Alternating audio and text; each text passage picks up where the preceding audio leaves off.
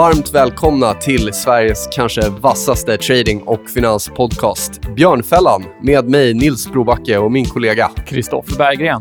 I detta avsnitt så kommer vi intervjua Mattias Eriksson, förvaltare på Coeli Select Sverige. Ja, det stämmer bra. Eh, och det här är väl del ett, va? Stämmer bra. Av två. Och det kommer bli extremt mycket intressant information. Så att det är bara att dra igång och lyssna. Nu gasar vi.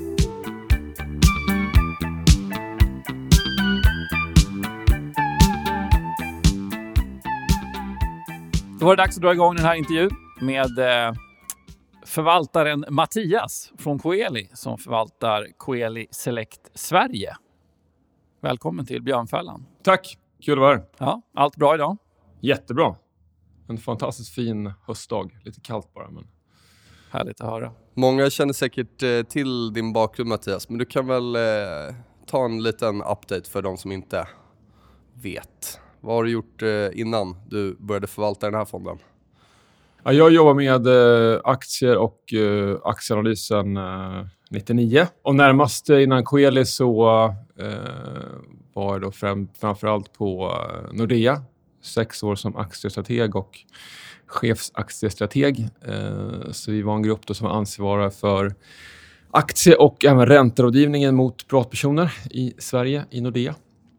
Jag förvaltade en eh, modellportfölj där då, som var väldigt framgångsrik. Eh, slog index med, med råge eh, under de här åren. Då. Eh, det var jag och framförallt två kollegor till som, som förvaltade den. Eh, gick fantastiskt bra. Så jag har jobbat med, eh, med aktieanalys, eh, både mot privatpersoner och institutioner eh, i nästan 20 år. Då. Och skrivit en bok om aktier, måste jag nämna också, mm. eh, som heter Köp billigt, sälj dyrt. Så det som jag faktiskt har läst. Ja, bra. Ja.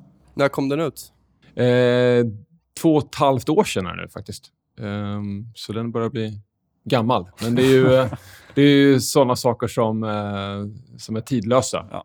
Hur man värderar bolag. Så det är mycket kassaflödesvärdering och eh, eh, aktieanalys i, i stort som den tar upp. Ja, vill man gräva lite djupare än att man ska köpa låga P tal och så vidare så är det faktiskt en väldigt bra bok. Ja, exakt. Jag tyckte det fanns en, en lucka i utbudet, framförallt då i Sverige. Det finns ju fantastiskt mycket eh, amerikansk eh, litteratur framförallt. Då.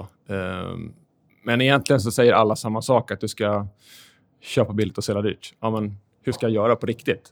Och där försöker jag förklara i boken på ett pedagogiskt sätt hur, hur jag tänker i alla fall. Jag tänkte den här modellportföljen på Nordea, är det, var det samma typ av inriktning som du har idag? Ja, nästan exakt samma sak. Alltså, då hade vi eh, 20-25 innehav. Eh, den här Select Sverige är ju max 15 innehav. Så det är ju Sveriges i, i särklass eh, mest koncentrerade fond. Så det är ju det är en liten skillnad. Men sen finns det också en, en Luxemburgbaserad fond som heter Coeli Sverige som, eh, ja, där är det då 20-25 innehav av, av regelmässiga skäl då, enligt Luxemburg-regler. Ehm, så den, den är exakt eh, likadan till sin natur faktiskt. Då. Så väldigt... Eh, det, är också en, en, en, en viktig skillnad är väl ändå att nu får jag ha lite nordiskt. 20 respektive 25 procent nordiskt i de här två olika fonderna. Så det ska jag försöka jag har kommit en bra bit där. Jag har eh, en del nordiskt med, men egentligen för lite. Eh, så det finns ju fantastiskt många bra eh, bolag i Norden utanför Sverige, då, i Norge, Danmark, Finland. Så det ska man ta tillvara på också. Är det något mer du vill lägga till där kring din fond? Ja, det, det är några saker som jag tycker är viktiga. Det, det är ju att en genuint aktiv förvaltad fond. Så vi, vi skiter fullständigt i, i index utan vill köpa bra bolag billigt som man brukar tjata om. Eh, och som sagt, det, det, är Sveriges mest koncentrerade fond på, på gott och ont. Men det, det positiva är att vi tar liksom tydliga ställningstaganden i de innehav vi har. Eh, och försöker hitta, som jag kallar det, oslipade eh, diamanter. Eh, det är ganska enkelt att köpa bara bra bolag. Det vet eh, de flesta människor vad, liksom, kan intuitivt veta vad som är ett bra bolag. Eh, men att hitta de där underskattade bolagen som jag försöker hitta då är lite svårare.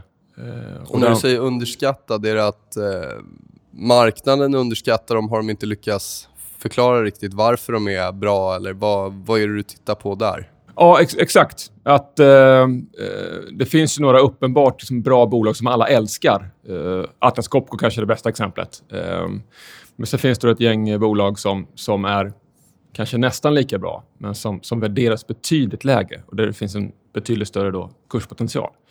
Eh, men det är eh, dels en, en pedagogisk utmaning för, för bolaget att förklara hur fantastiskt bolaget är. Eh, men det här brukar ordna sig med tiden. Autoliv eh, tycker jag kan vara ett aktuellt exempel som är ett av Stockholmsbörsens bästa bolag. Eh, enormt starka marknadspositioner, eh, bra avkastning på kapitalet, relativt höga marginaler i den här branschen. De gör saker och ting väldigt, väldigt bra, stark balansräkning. Eh, men då hittar man på massa problem. Nej, men nu toppar bilförsäljningen i USA och med mera, med mera. Och sen helt plötsligt har de kapitalmarknadsdag och säger ingenting som jag tycker är särskilt relevant egentligen, men aktien sticker 11 procent. Nu ska vi dela upp bolaget. Aha, det förändrar ju inte framtida kassaflöden, förändrar inte risken i bolaget. För mig förändrar det ingenting alls. Men aktiemarknaden trycker upp på aktien 11 på en dag. För att man då ser, eh, ja, man synliggör värde. Crystallization of value. Som ofta så finns det två, två gäng eller två sidor där som tycker lite olika. Den ena står på din sida och den andra kanske då menar på att den här delningen eh, kommer försämra för Autoliv. Om jag tänker på att man splittar den passiva och aktiva delen, att det kommer bli, som du säger, svårare kanske att höja priserna för den passiva delen om bilförsäljningen sjunker i USA, är ett argument jag hört. Annat att synergier när det gäller till exempel datainsamling och liknande skulle eh, försvinna. Är det något du det finns, ju, det finns ju alltid för och nackdelar naturligtvis. Men en fördel tror jag är ändå att det är en väldigt stor kulturskillnad mellan passiv säkerhet som är, vad ska man kalla det för? Uh, ja, det gamla... Bilbälten, krockkuddar. Ja, det gamla ja. tråkiga bolaget, eh, om man ska vara elak. Eh, det är jättespännande saker det också. Sen har vi då det snabbväxande techbolaget och Electronics som är... Ja, men det är väl jämförligt, om man ska hårdra det, man jämför liksom Telia med Spotify. Eh, jag tror det är lite olika kulturer utan att veta exakt, men, men eh, jag tror att det är lite olika kulturer. Och Det kan vara en bra sak att splittra då, och det blir mer fokus då på Electronics-delen. Och Sen säger man då implicit så, så, så, säger man ju att eh, det här bolaget är till försäljning. Så det är inte alls eh, förvånande om, om Electronics-delen säljs då innan uppdelningen eh, är klar. Ja, det är ju väldigt hett, så det finns säkert spekulanter på den delen. Absolut. Absolut. Eh, men när vi ändå pratar autoliv, eh, den här Takata-skandalen som har varit, som har pågått ganska länge, mm. har de fått fullt, vad ska jag säga, är det fullt inprisat än eller kan vi fortfarande se Nej, inte alls, positiva konsekvenser? Inte alls. Uh, man vet ju med säkerhet, i och med att de har tagit de här ordrarna, så kommer vi få se en väldigt bra försäljningstillväxt under 18-19 och även efter det. Uh, nu ligger de på en marknadsandel på 55% Autoliv. Och det ska inte kunna gå. För deras kunder, biltillverkarna, de vill ju ha dual source. De vill ha åtminstone två leverantörer. Så man ska per definition inte kunna komma över 50% Men det har de gjort. Så det är helt fantastiskt vilken stark marknadsposition de har. Helt ofattbart nästan. Det är ett sånt oerhört starkt bolag. Eh, så eh, det här kommer då synas i försäljningen från Q4 i år och sen kommer det ticka på framgent. Så jag tror de kan visa en vinsttillväxt eh, 18-19 på, på mellan 15 och 30 procent, alltså per år. Eh, och har en eh, ja, P tal bit över ja, knappt 10 och sånt där. Så, så det är väldigt lågt i alla fall. Jag tycker värderingen finns en rejäl uppsida i aktien fortfarande. Då. Vi minskar ner lite grann efter, efter kapitalmarknadsdagen, efter, den, efter det uppstället där. Då, men eh, fortfarande ett stort innehav och, och, det finns mer, mer att hämta där tycker jag. Du nämnde det här, det har man ofta, att bolaget har en stark balansräkning. Vad är en stark balansräkning? Det kan ju betyda någonting för mig, det kan betyda något helt annat för dig. Men hur, vad är en stark balansräkning för dig? Ja, en tydlig stark balansräkning är om man har nettokassa. Liksom. Mm. Uh, mer likvida medel än, än, uh, än skulder. Eh, men det är bra om man räknar på det som man kan göra med en bok. Då, kan man, då visar hur man kan räkna på vilken skuldsättning som är optimal i ett bolag. Och Då visar det sig teoretiskt då, att man ska vara ganska högt skuldsatt. för att mot, optimera aktieägarvärde. Mm. Eh, sen i praktiken så, så är ju en viss skuldsättning bra. Men det är ju när man har en, en vad ska man säga, en tvivelaktig affärsmodell som kanske inte funkar ur och skur tillsammans med en hög skuldsättning, till exempel SSAB. Det är, det, det är då det går riktigt åt, hel, åt helvete. Och speciellt om man har belånat sig själv. Då kan det gå käpprätt åt skogen. Så eh, ha bolag, äga bolag då, som, som ändå har en, en hanterbar skuldsättning. Så sagt, lite skuldsättning är bra, men inte alls för mycket. är ju, är att föredra. Och det, det Autoliv kan göra eh, med den här då, balansräkningen, dels att de har en, ändå en, en skaplig utdelning för att vara ett amerikanskt bolag. Det är ju relativt lite för att vara ett svenskt på svenska börsen, men, men det är ett amerikanskt bolag så de jobbar mycket med aktieåterköp också har börjat återigen med det här i, i somras och kan fortsätta med det. Eh, och förhoppningsvis förvärva en, en del också. Det har varit svårt med, med prislapparna i, i och med att Electronics-delen som är det mest spännande och aktiv säkerhet i, i stort, eh, de bolagen värderas ganska högt. Och det är väl också därför man föreslår den här uppdelningen då, för att kanske kränga Electronics-delen till den. Tänker du på Mobileye-värderingen? Eh, ja, exempelvis. Då. Eh, absolut. Men också mycket annat som, som Autoliv tittar på som, som både är noterat och onoterat och som värderas väl högt. Och det är därför de inte har köpt någonting. Tror jag. Så när du har hittat en, en kandidat som du tycker är eh, spännande att gå in i och spännande att äga så att säga. Vad, vad är det som gör att du går in i bolaget? När får du liksom triggern att nu är det dags att faktiskt köpa det? Jag tycker två saker är, är viktiga om man pratar generellt. Eh, dels så vill jag äga bra bolag. Man kan också tänka sig att äga ett dåligt bolag om, om de är på väg att bli, bli bättre och värderingen är låg. Men framförallt äga bra bolag. Eh, och med bra bolag, eh, då tänker jag framförallt på att man har en hög avkastning på investerat kapital. Inte bara det egna kapitalet utan även eh, det kapital som, som obligationsinnehavarna har, har bidragit med. Så hela det investerade kapitalet eh, som finns i bolaget. Eh, hög avkastning där, eh, det är egentligen den bästa definitionen på vad som är ett bra bolag. Hög avkastning på investerat kapital. Vad är, hög av, är det 10 eller 15 Man, Det ska vara högre än avkastningskravet. Man kan säga avkastningskravet nu är, VAC, om man generaliserar, ligger på mellan 6 och 7 skulle jag säga. Eh, så ROIC, som det då heter, Return on Invested Capital, ska vara högre än VAC för att man ska addera värde. Och ett bolag som ligger under det ska man inte äga, tycker jag. SSAB är ett sånt exempel som, som eh, ja, när, när, konjunkturen är stark och så vidare så kan de ligga över en, en stund, men över tid så, så förstör de värde egentligen. Och då ska man inte äga det. Så bra bolag. Och det ska också, det finns massa andra eh, eh, faktorer som är, som är viktiga. Naturligtvis så vill man ju ha hög tillväxt i, i vinst och kassaflöde. Jag tycker det är oerhört viktigt med eh, produktutveckling. Liksom enda sanna källan till organisk tillväxt. Sen är man duktiga på produktutveckling Thule, Atlas Copco är två exempel som är väldigt duktiga på det. Eh, då kommer man också växa eh, i framtiden. Jätteviktigt. Eh, starka mark marknadspositioner som vi pratar om med Autoliv. Eh, viktigt. Eh, uthålliga konkurrensfördelar. Det kan vara varumärken som iPhone. Det kan vara servicenätverk som är oerhört viktigt för lastbilstillverkarna exempelvis. Då. Eh, minst lika viktigt som själva lastbilen. Um, sådana saker är viktigt. Jag vill gärna ha en väl diversifierad kundbas så man inte står och faller med, med ett fåtal kunder utan man har en bra bredd där. Vad är en bra bredd där? tänker procent, är det att 5% av kunderna står för 90% av intjäningen? Eller? Ja, det är ju inget bra. Nej. Uh, det är hög risk. Uh, och det, där, det där brukar bolagen vara bra på att uh, berätta om i årsredovisningen. Så det brukar stå ganska tydligt eh, hur, hur beroende man är. Så ja, det finns ju ingen, ingen sanning där, men, men eh, exempel du nämner är ju, är ju varningsklocka. Eh, då kanske det är bättre att eh, ingen enskild kund står över 5% av omsättningen. Eh, liknande. Så. Eh, och sen någonting som Atlas Copco är bra på då, det är också liksom att ha en flexibel kostnadsmassa. Så är man, är man i en cyklisk industri så att man snabbt kan dra ner på kostnadsmassan ifall, ifall efterfrågan viker. Eh, det är sådana saker som är viktiga. Och som sagt, belåningen ska vara, som jag sa, hanterbar. Vi kan diskutera exakt hur, det, hur stor det ska vara, men, men en viss belåning. Då. Så det finns ett antal kriterier jag, jag, jag tittar på.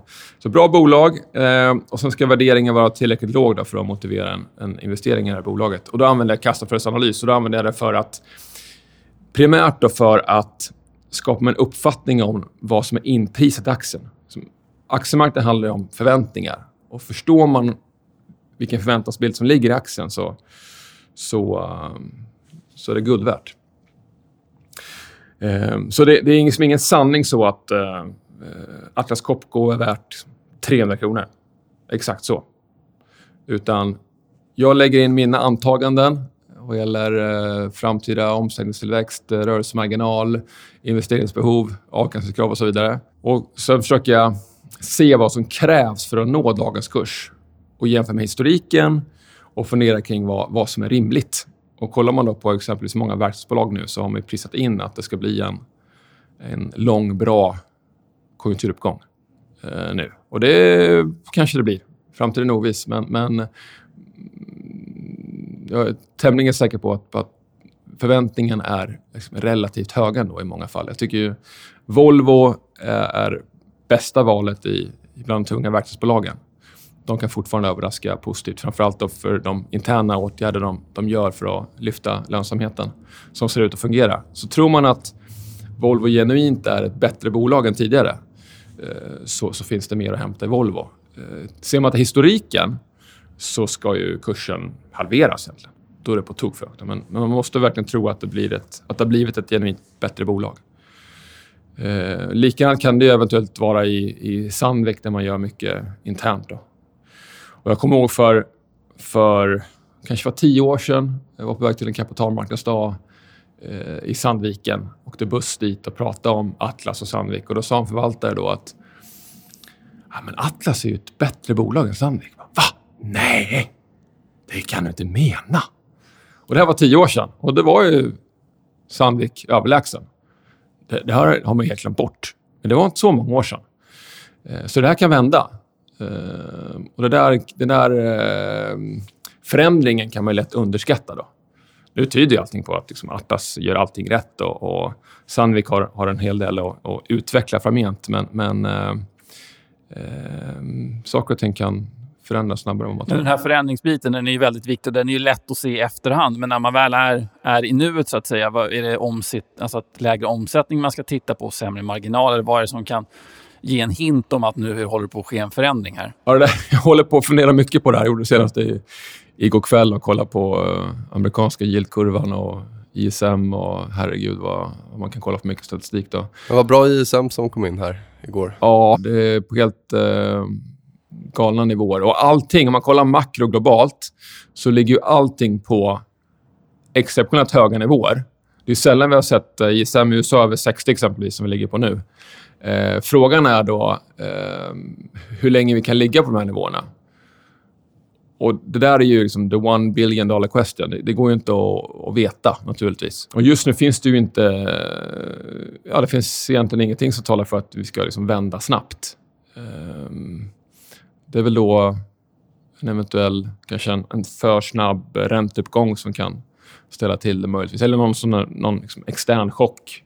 Om det blir kärnvapenkrig eller någonting naturligtvis. Men, men eh, den globala ekonomin går ju oerhört starkt. Eh, och det är därför verkstad gick så starkt i, i september. Eh, tunga verkstadsbolagen i Sverige gick upp mellan 7 och 16 procent med, med Volvo i topp.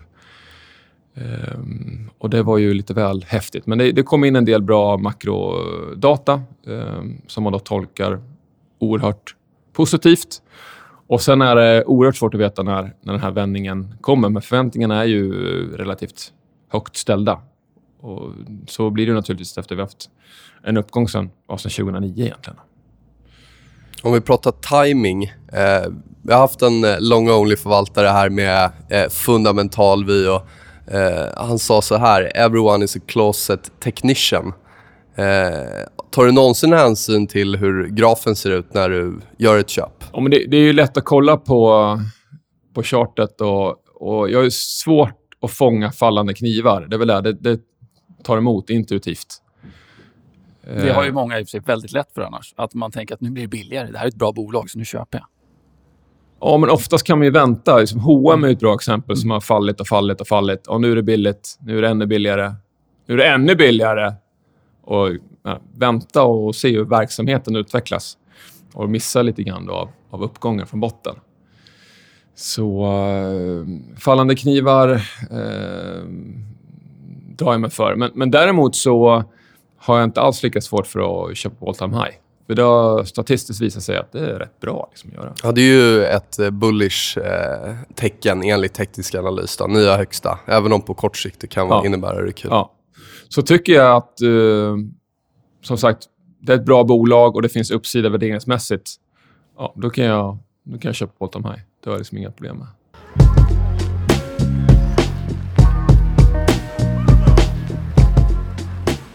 Men blir ett bolag ointressant att behålla då? Du har ju ganska få bolag, så det blir, de blir väl kanske som små, små bebisar för dig.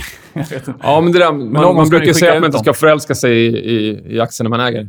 Ehm, ja, men det är väl egentligen eh, två skäl. Dels har jag ju motiverat värde på alla mina innehav.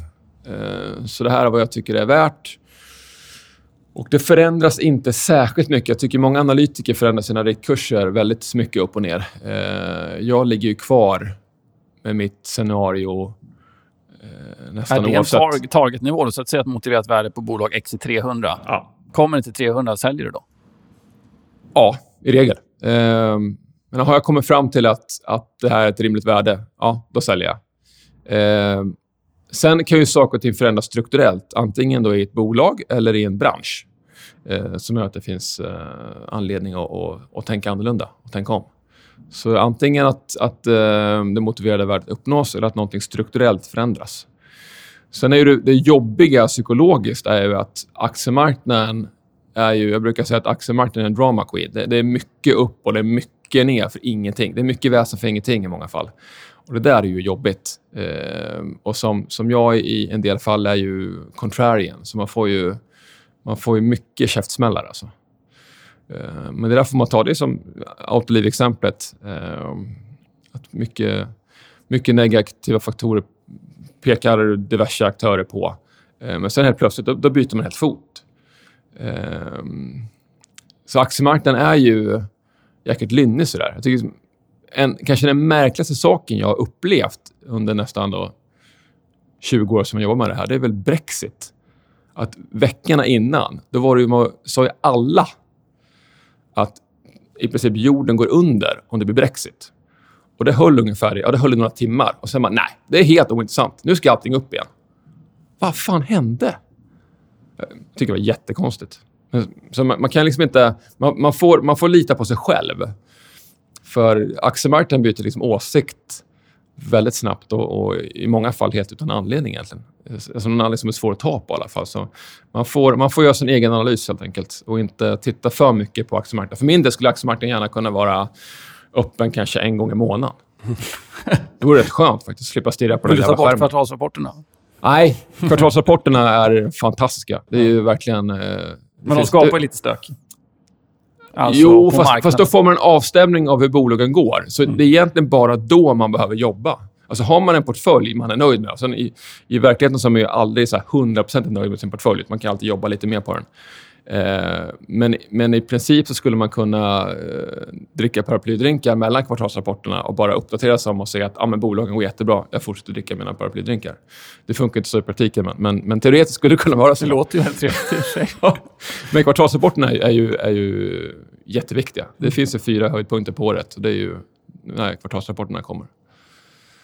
Så man ska inte ändra på det där. Det är precis lagom med varje kvartal. Eh, ofta när eh, det är rapporter, eller om vi tar, eh, tittar på andra tillgångar, till exempel makrobesked. Om vi tar rapporter i det här fallet så eh, kommer det in volatilitet. Men den volatiliteten tenderar att visa, tycker jag, ganska bra var köpare och säljare är aktiva. Vilka nivåer i marknaden som är intressanta. Brukar du passa på att fylla på i de situationerna, eller hur ser det ut? Ja, men det kan man absolut eh, göra. Det blir ju ofta överreaktioner.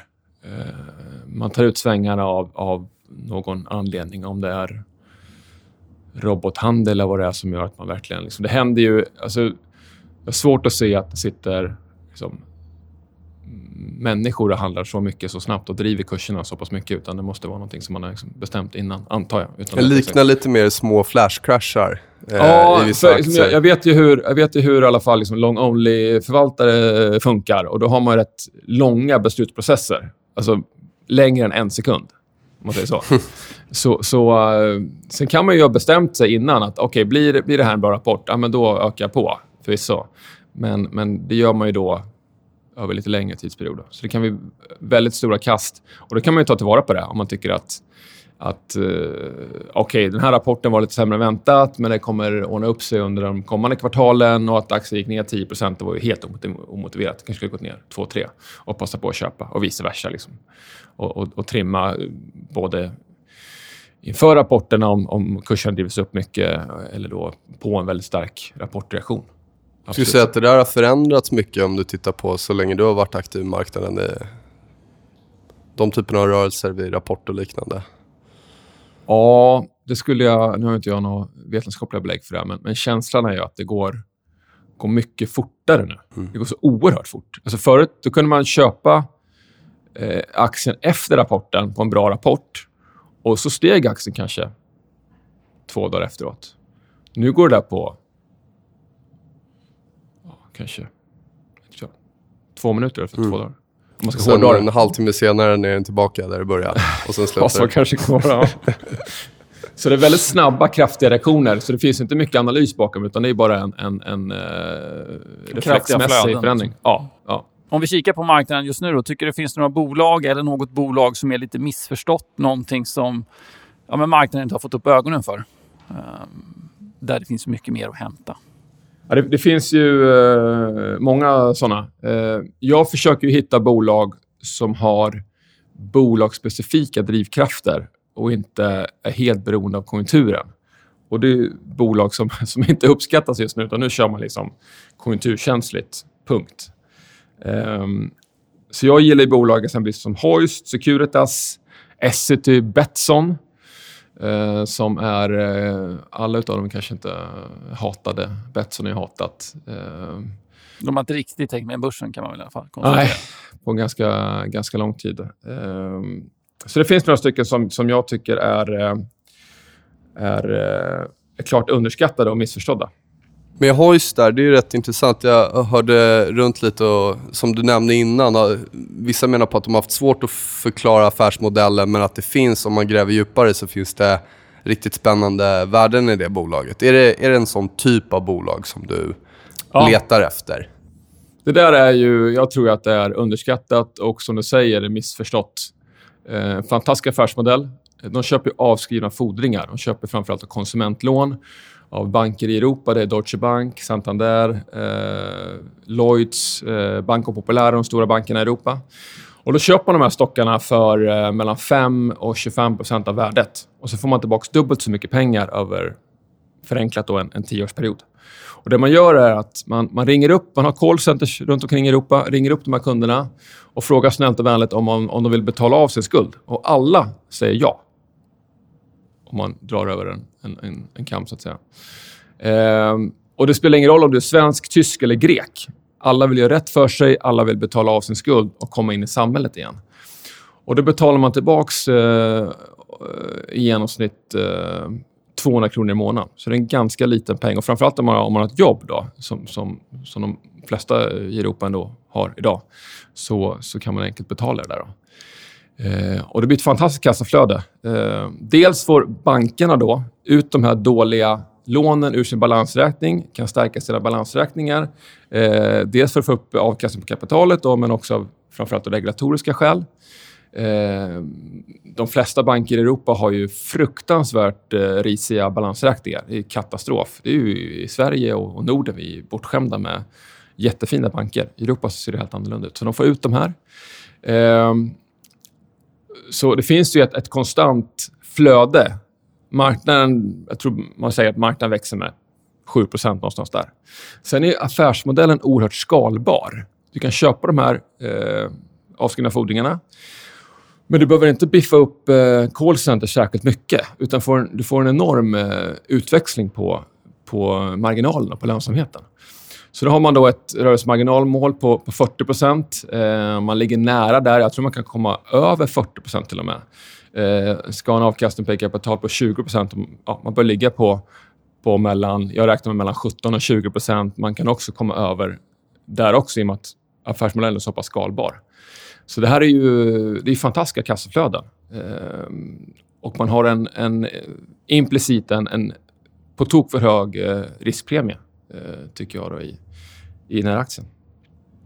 Men vad är risken i det då? Eh, det känns ju som att eh, om det stökar till sig så kommer ju dåliga lån kommer inte bara försvinna. Det kanske blir mer, mer, mer av det om det blir stökigt på, i ekonomin, världsekonomin och så vidare. Men vad är riskerna i själva bolaget? Är det att de inte kan växa eller, eh, de här lånestocken tillräckligt kraftigt? Eller vad, vad är, som, vad är mark, varför ja, men, handlar inte marknaden upp aktien? Ja, det, det förstår inte jag. Så du frågar fel person. Nej, men man kan ju tänka sig att en, en del har ju så absurda argument som att äh, men, eh, dåliga lån kommer försvinna. Alltså, nu går ekonomin så pass starkt så att det, om man kollar de svenska bankerna, eh, nu, det finns Hoist i, i, i kontinentaleuropa, men ändå, vi tar det som exempel, så är ju egentligen eh, kreditförlusterna för låga. Bankerna ska ta risk i sin utlåning. Och, och, Det är inte många punkter i kreditförluster, så, så de, de är egentligen för låga kan man tycka. Men de kommer aldrig försvinna. Det är klart att bankerna kommer, kommer har kreditförluster. Så du har ju en, en marknad som hela tiden eh, över tid bör, bör vara ganska bra i alla fall. Sen är då risken att man, man i och med att man köper de här portföljerna för mellan 5 och 25 procent av värdet så köper man inga bra grejer. Men man gör det mycket, mycket bättre än bankerna själva på att driva in den här skulden. Och bankerna får in de här, de här eh, pengarna på en gång då och eh, Hoist driver in det här över, över tid och får väldigt hög avkastning på, på, på det. Så, så eh, det är bra för bankerna, alltså Hoist kunder, och det är bra för Hoist aktieägare. Så det är, eh, det är win-win. Vågar du nämna några riktkurser? Har du något pris du tror du kan gå till? Tekniskt sett ser 95 kronor rätt, rätt trevligt ut på uppsidan. Ja, det låter ju väldigt lågt. Mm. Eh, men aktien ska upp en bit över hundralappen. Eh, jag har ju i, i portfölj, alla innehav har åtminstone en, en kurspotential på 10 ja. upp till jag skulle säga, omkring 40 eh, Så har, finns det mycket, mycket potential, tycker jag. Om vi vänder på det, finns det något bolag där ute som marknaden älskar som man inte ska älska överhuvudtaget? Enligt dig då? Eh, ja, det där är ju svårt. Nu kom det nya på morgonen här om att eh, Johan Molin eh, ska... Mm. Det var lite luddigt skrivet där, men, men det verkar ändå som... Eventuellt? Han, ja, det, man, ja, det verkar ju som han lämnar på stämman i år. Vad är nästa hållplats? Är det Ericsson, eller? Vad sa du? Vad är nästa hållplats för honom då? Är det Ericsson? Nej, det eller hoppas jag verkligen inte. Han, han har gjort det fantastiskt bra på, på Assa, så han är ju, han är ju han är ju gud i princip. Så han borde kanske vara, sitta lite fler styrelser möjligtvis. Så, inte vet jag, men, men eh, jag hoppas inte han ger bort sig på Ericsson. För det är ju, jag ska inte säga att det är ett sjunkande skepp, men de verkar oerhörda problem och det är svårt att liksom vända det där tror jag. Mm. Eh, så jag vet inte vad han hittar på. Men, men, men Assa har man ju väldigt höga tankar. Vi har svårt för för förvärvsdriven tillväxt. I, I fallet Assa så är det på sätt och vis bra i och med att det är en väldigt fragmenterad marknad. Eh, men när man förvärvar, det är svårt att förvärva. Eh, och som, som utomstående investerare vet man inte riktigt vad bolaget förvärvar faktiskt. Det är mycket onoterade bolag. Man har liksom egentligen ingen aning om vad det är man köper. Man får lita helt och hållet på bolaget. Och när vd lämnar då så blir det lite större osäkerhet eh, kring det där. Och jag ogillar stora goodwill-poster. Då. Så mycket luft och svårt att få avkastning på kapitalet. Då. Mm. Kan vi vända lite grann på frågan och, och, och säga istället om men vilka bolag vill jag eh, äga som är bra men lite för, för dyra? Mm. Eh, Atlas Copco är ett sånt exempel som är kanske ja, det är ett av världens bästa bolag. Eh, aningen, aningen, eller jag, jag tycker förväntningarna är väldigt högt ställda. Eh, Thule hade ju en kapitalmarknadsdag nyligen. Eh, Magnus Welander som är eh, VD där, eh, när man har träffat honom så är man liksom full av energi och, och eh, han och, och det bolaget, eller kanske det bolaget på Stockholmsbörsen som fokuserar allra mest på produktutveckling. Det där kommer på sig spontant i alla fall. Alltså, Men det är väl också ett bolag som är lite missförstått då om man tänker gemene man. Många tänker takboxar, that's it. Men det, ja, men det är, är det som är så fantastiskt. Alltså, de gör väldigt tråkiga saker av plast och stål. Takboxarna var över barnvagnar, eh, cykelställ. Hur tråkigt är inte det? Ja, det är osexigt. Som bara den. Men, men de, de, gör det oerhört bra. bra. De gör det väldigt, väldigt de bra. bra. Det är så fruktansvärt imponerande. Men jag tycker att den aktien är hela tiden för dyr. Eh, men vid nästa börskrasch, eh, och den möjligtvis går ner lite grann, då, då köper det.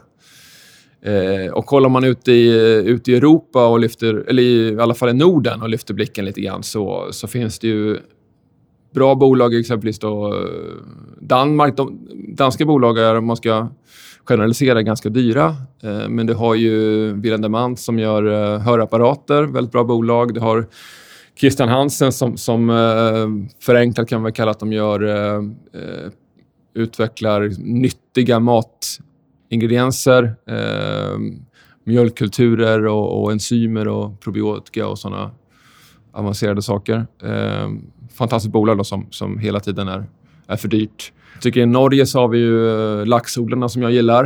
Eh, du hade varit och kikat lite där. Ja, ja. en fantastisk naturupplevelse mm. utanför Bergen Eh, och en enormt eh, bra business.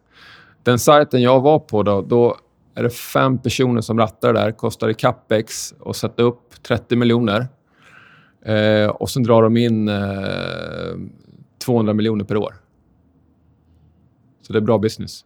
Har du hittat någon, någon vinnare i den? Jag håller fortfarande ja. på. Det kommer ta lite tid. Nu har jag lite tid då inför, uh, innan rapportperioden sätter igång. Så jag har hunnit räkna på ett bolag och jag tycker det, jag måste säga att det är svårt att, att skilja på dem. Backafrost sticker ut som är klart bästa bolaget. De har lägst kostnader och får högst pris för sin lax. Så det är klart bäst. Men det syns också i värderingen.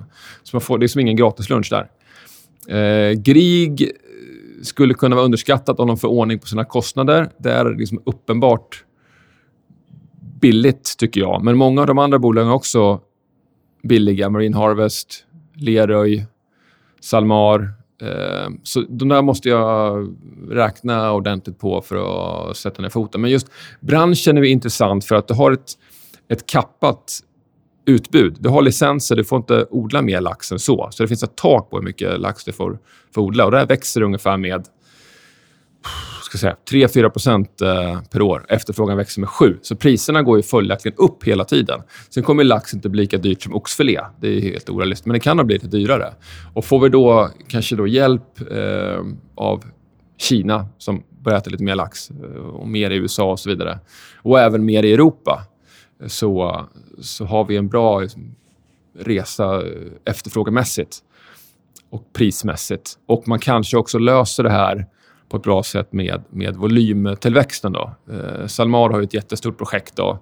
Eh, Marine Harvest också och övriga håller på att, att eh, lösa då problematiken med att, eh, att få upp volymerna och att eh, använda, inte, inte nödvändigtvis odla laxen på land, vilket är svårt och dyrt, men, men i, i, i skyddade miljöer, så att säga. Eh, Marine Harvest har något som kallas för ägget, eh, någonting som kallas för, för jag tror det skeppet.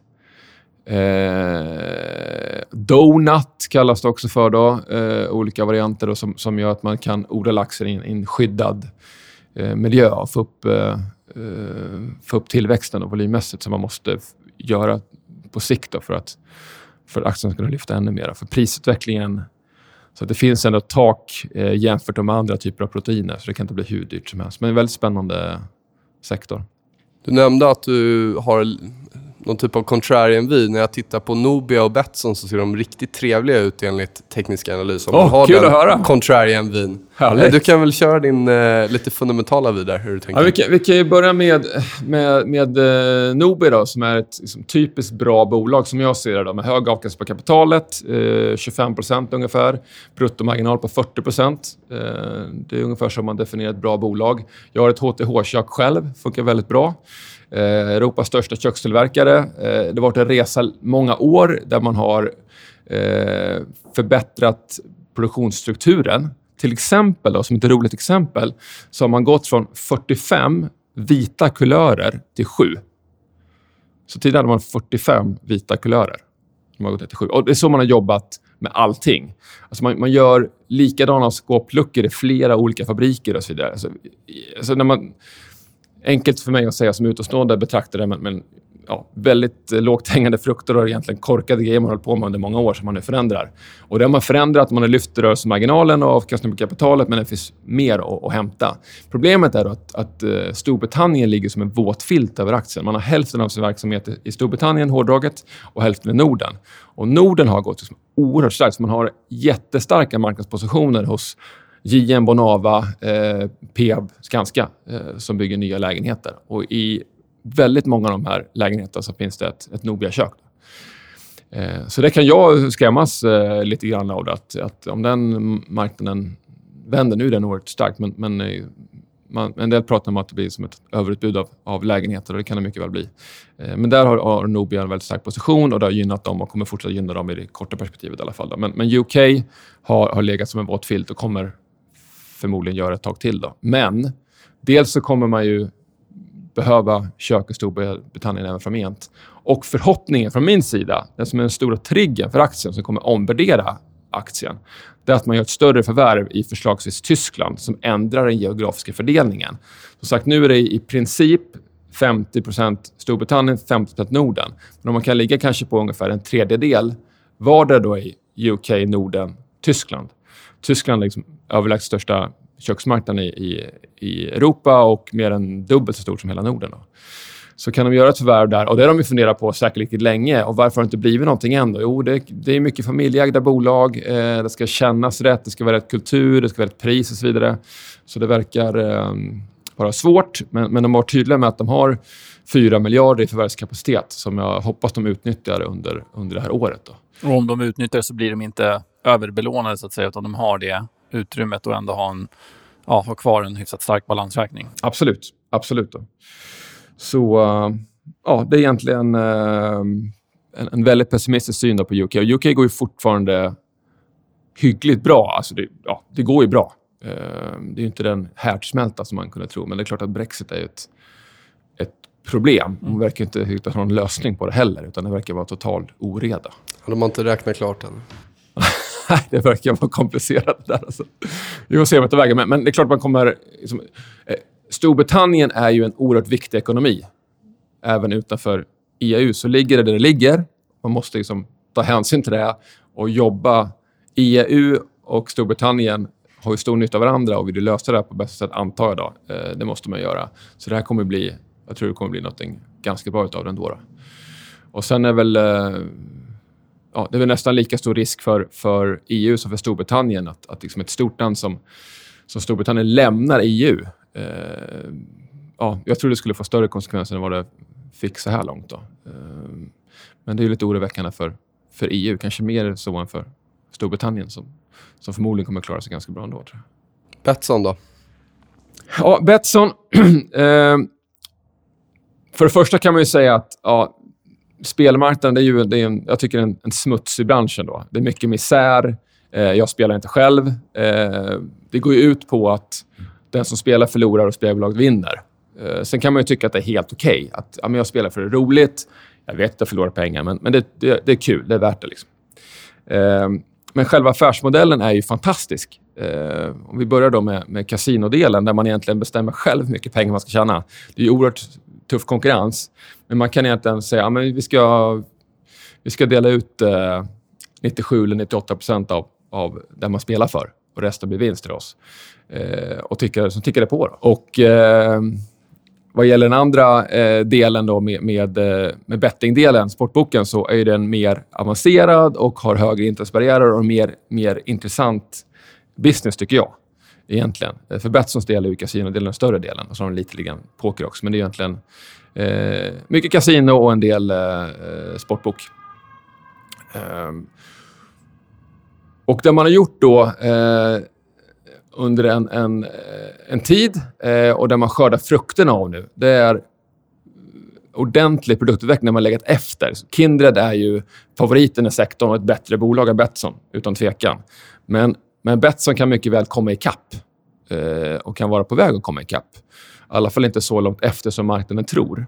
Eh, och man har ju då eh, eh, har ju någonting som kallas för One Betsson Group, OBG, som handlar framför allt om att eh, eh, om en kundvänligare eh, interface, framförallt i mobilen och även att det går snabbare att lansera spel. Och Det ser man redan nyttan av eh, Eh, i siffrorna och kommer att se de kommande kvartalen.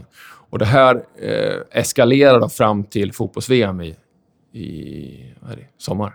Eh, viktigt, den här biten med produktutvecklingen. Eh, och Det är ett bra bolag i grunden som har liksom, online tar hela tiden andelar av offline som har en växande marknad. Man har avkastning på kapital på, på 20-25 procent. Eh, höga marginaler. Så det är ju som en pengamaskin. Eh, och sen har man totalt då... Eh, inte totalt, men ett stort misstroende för bolaget. Eh, vdn, tidigare vdn då, eh, pratade om eh, skördetid för bolaget i och med den här eh, produktutvecklingen man, man håller på med och mitt inne i eh, och kommit en, en bra bit in i. Eh, och där tror jag man kommer skörda frukterna kommande kvartalen. Och sen blev det då ett, ett avhopp där, lite oro. Eh, man pratar om olika ledarstilar och, och så vidare. Jag hoppas det ligger sanning i det och eh, och att det inte är någonting annat. Men eh, en annan riskfaktor är ju Turkiet, eh, där man har en stor del av vinsten. Eh, jag vet inte riktigt exakt hur mycket, men det är en stor del. Eh, bolaget känner sig väldigt bekväma med det. Eh, jag är inte orolig alls för den, den exponeringen. Men det hade ju varit bra för aktiekursen om man blev av med det. Och Då skulle man kunna tänka sig att Betsson blir, Eh, blir som ett än tydligare uppköpsobjekt också.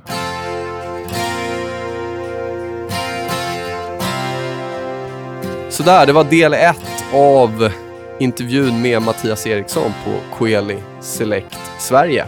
Eh, fonden hittar ni på diverse handelsplattformar. Eh, fondhandelsplattformar. Har ni frågor, funderingar till oss, tveka inte att höra av er. Eh, nästa del kommer mot slutet av veckan här och det ska sägas också att när vi spelas in det här avsnittet så är det den 5 oktober. Det är helt korrekt. Missa inte att besöka vår nya eh, finansnyhetssida tradecmc.se där det finns eh, mängder med spännande information och nyheter och så har vi två riktigt heta krönikörer utöver oss själva såklart. Stämmer bra. Mads Trader och Lone Wolf, krönikör She's a good girl. Loves her mama. Loves Jesus In America too. She's a good girl. It's Crazy about Elvis, loves horses, and her boyfriend too.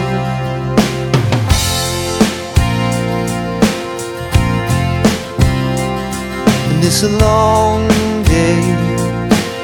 living in Reseda. There's a freeway running through the yard, and I'm a bad boy, cause I don't even miss her. I'm a bad boy for breaking her heart.